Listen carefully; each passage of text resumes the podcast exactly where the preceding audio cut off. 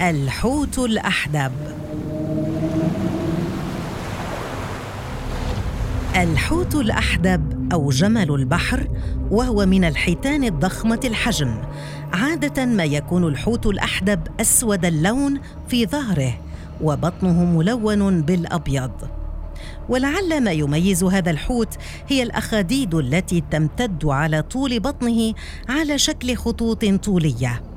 كما أنه يمتلك زعانف طويلة تصل لثلث طوله ويشتهر هذا الحوت بحركاته الراقصة في البحر حيث سجلت الكاميرات له الكثير من التحركات التي تعد بهلوانية. الحوت الأحدب من المخلوقات الضخمة وسمي بهذا الاسم بسبب الحدبة التي تتشكل في جسمه عندما يقوس ظهره. هو يفعل هذا في حالة الغوص وعمليا وبشكل أدق طول هذا الحوت يصل لنصف طول الحوت الأزرق العملاق فيصل إلى 18 مترا أما وزنه فيصل إلى 40 طنا.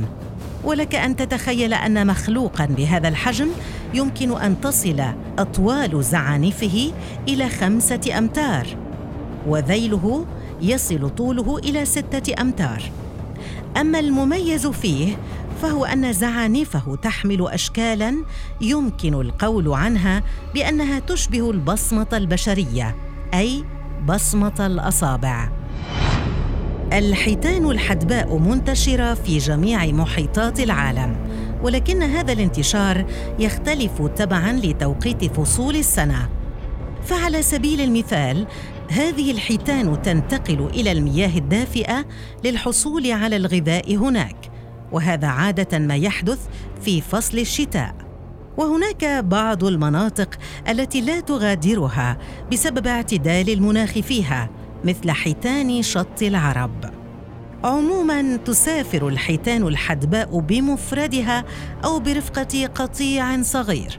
وعادة ما يتألف هذا القطيع من حوتين أو ثلاثة وهي تستطيع أن تسافر مسافة خمسة آلاف كيلومتر للبحث عن الزواج أو التكاثر.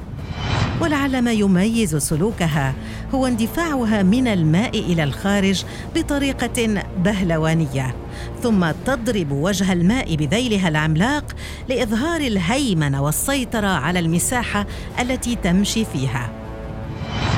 ولهذه الزعانف والذيول وظيفة أخرى فهي تساعد في أن تلامس الحيتان الحدباء بعضها كتعبير عن الحب بين الأم وطفلها.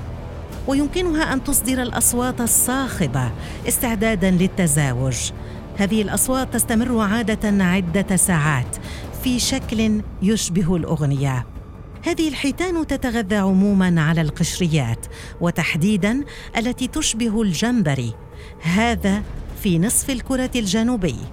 أما عن التي تستوطن النصف الشمالي من الكوكب فلا تكاد تخلو وجباتها اليومية من الأسماك مثل الرنكة والسردين. أما عن طريقة صيد طعامها فهي مميزة وغريبة بعض الشيء لكنها ذكية جدا. فالحيتان الحدباء تنفخ فقاعات هوائية في الماء وبذلك تصنع جدارا هوائيا يحبس الفريسة في الداخل فتتمكن عندئذ من صيدها. أما عن تزاوج هذه الحيتان فهي تتزاوج في المناطق الدافئة وعادة ما تصل الإناث لهذه المناطق قبل الذكور للحصول على التغذية الكافية ثم يتم الجماع بين الذكر والأنثى لتلد الأنثى بعد حمل مدته أحد عشر شهرا ويبقى الطفل مع أمه للحصول على التغذية الكاملة منها. هذا الحيوان ليس بمنأى عن خطر الانقراض. ومن هذه الأخطار أن هذه الحيتان أو صغارها تحديدا تكون فريسة سهلة لبعض المفترسات. والخطر الأكبر الذي يداهمها هو خطر التلوث أو أن تعلق ربما في شباك الصيد عن طريق الخطأ. وبالطبع تغيير المناخ والنفط والغاز ومخلفاتهما.